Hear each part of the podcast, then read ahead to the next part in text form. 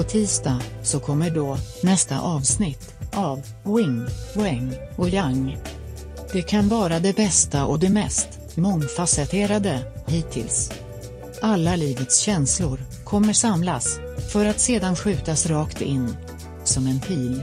Av väldigt mjuk, men ändå klar kristall. I era öron. Livet, döden, och, allt, däremellan, avhandlas. Felkörningar på översnöade vägar, irrande i skymningen, efter någon som man inte riktigt vet var den är, eller om den är.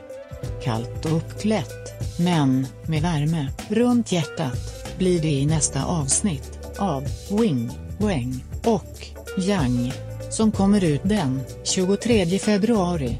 Slå en lys och sprid ordet. Allt det bästa önskar Sara och Fredrik.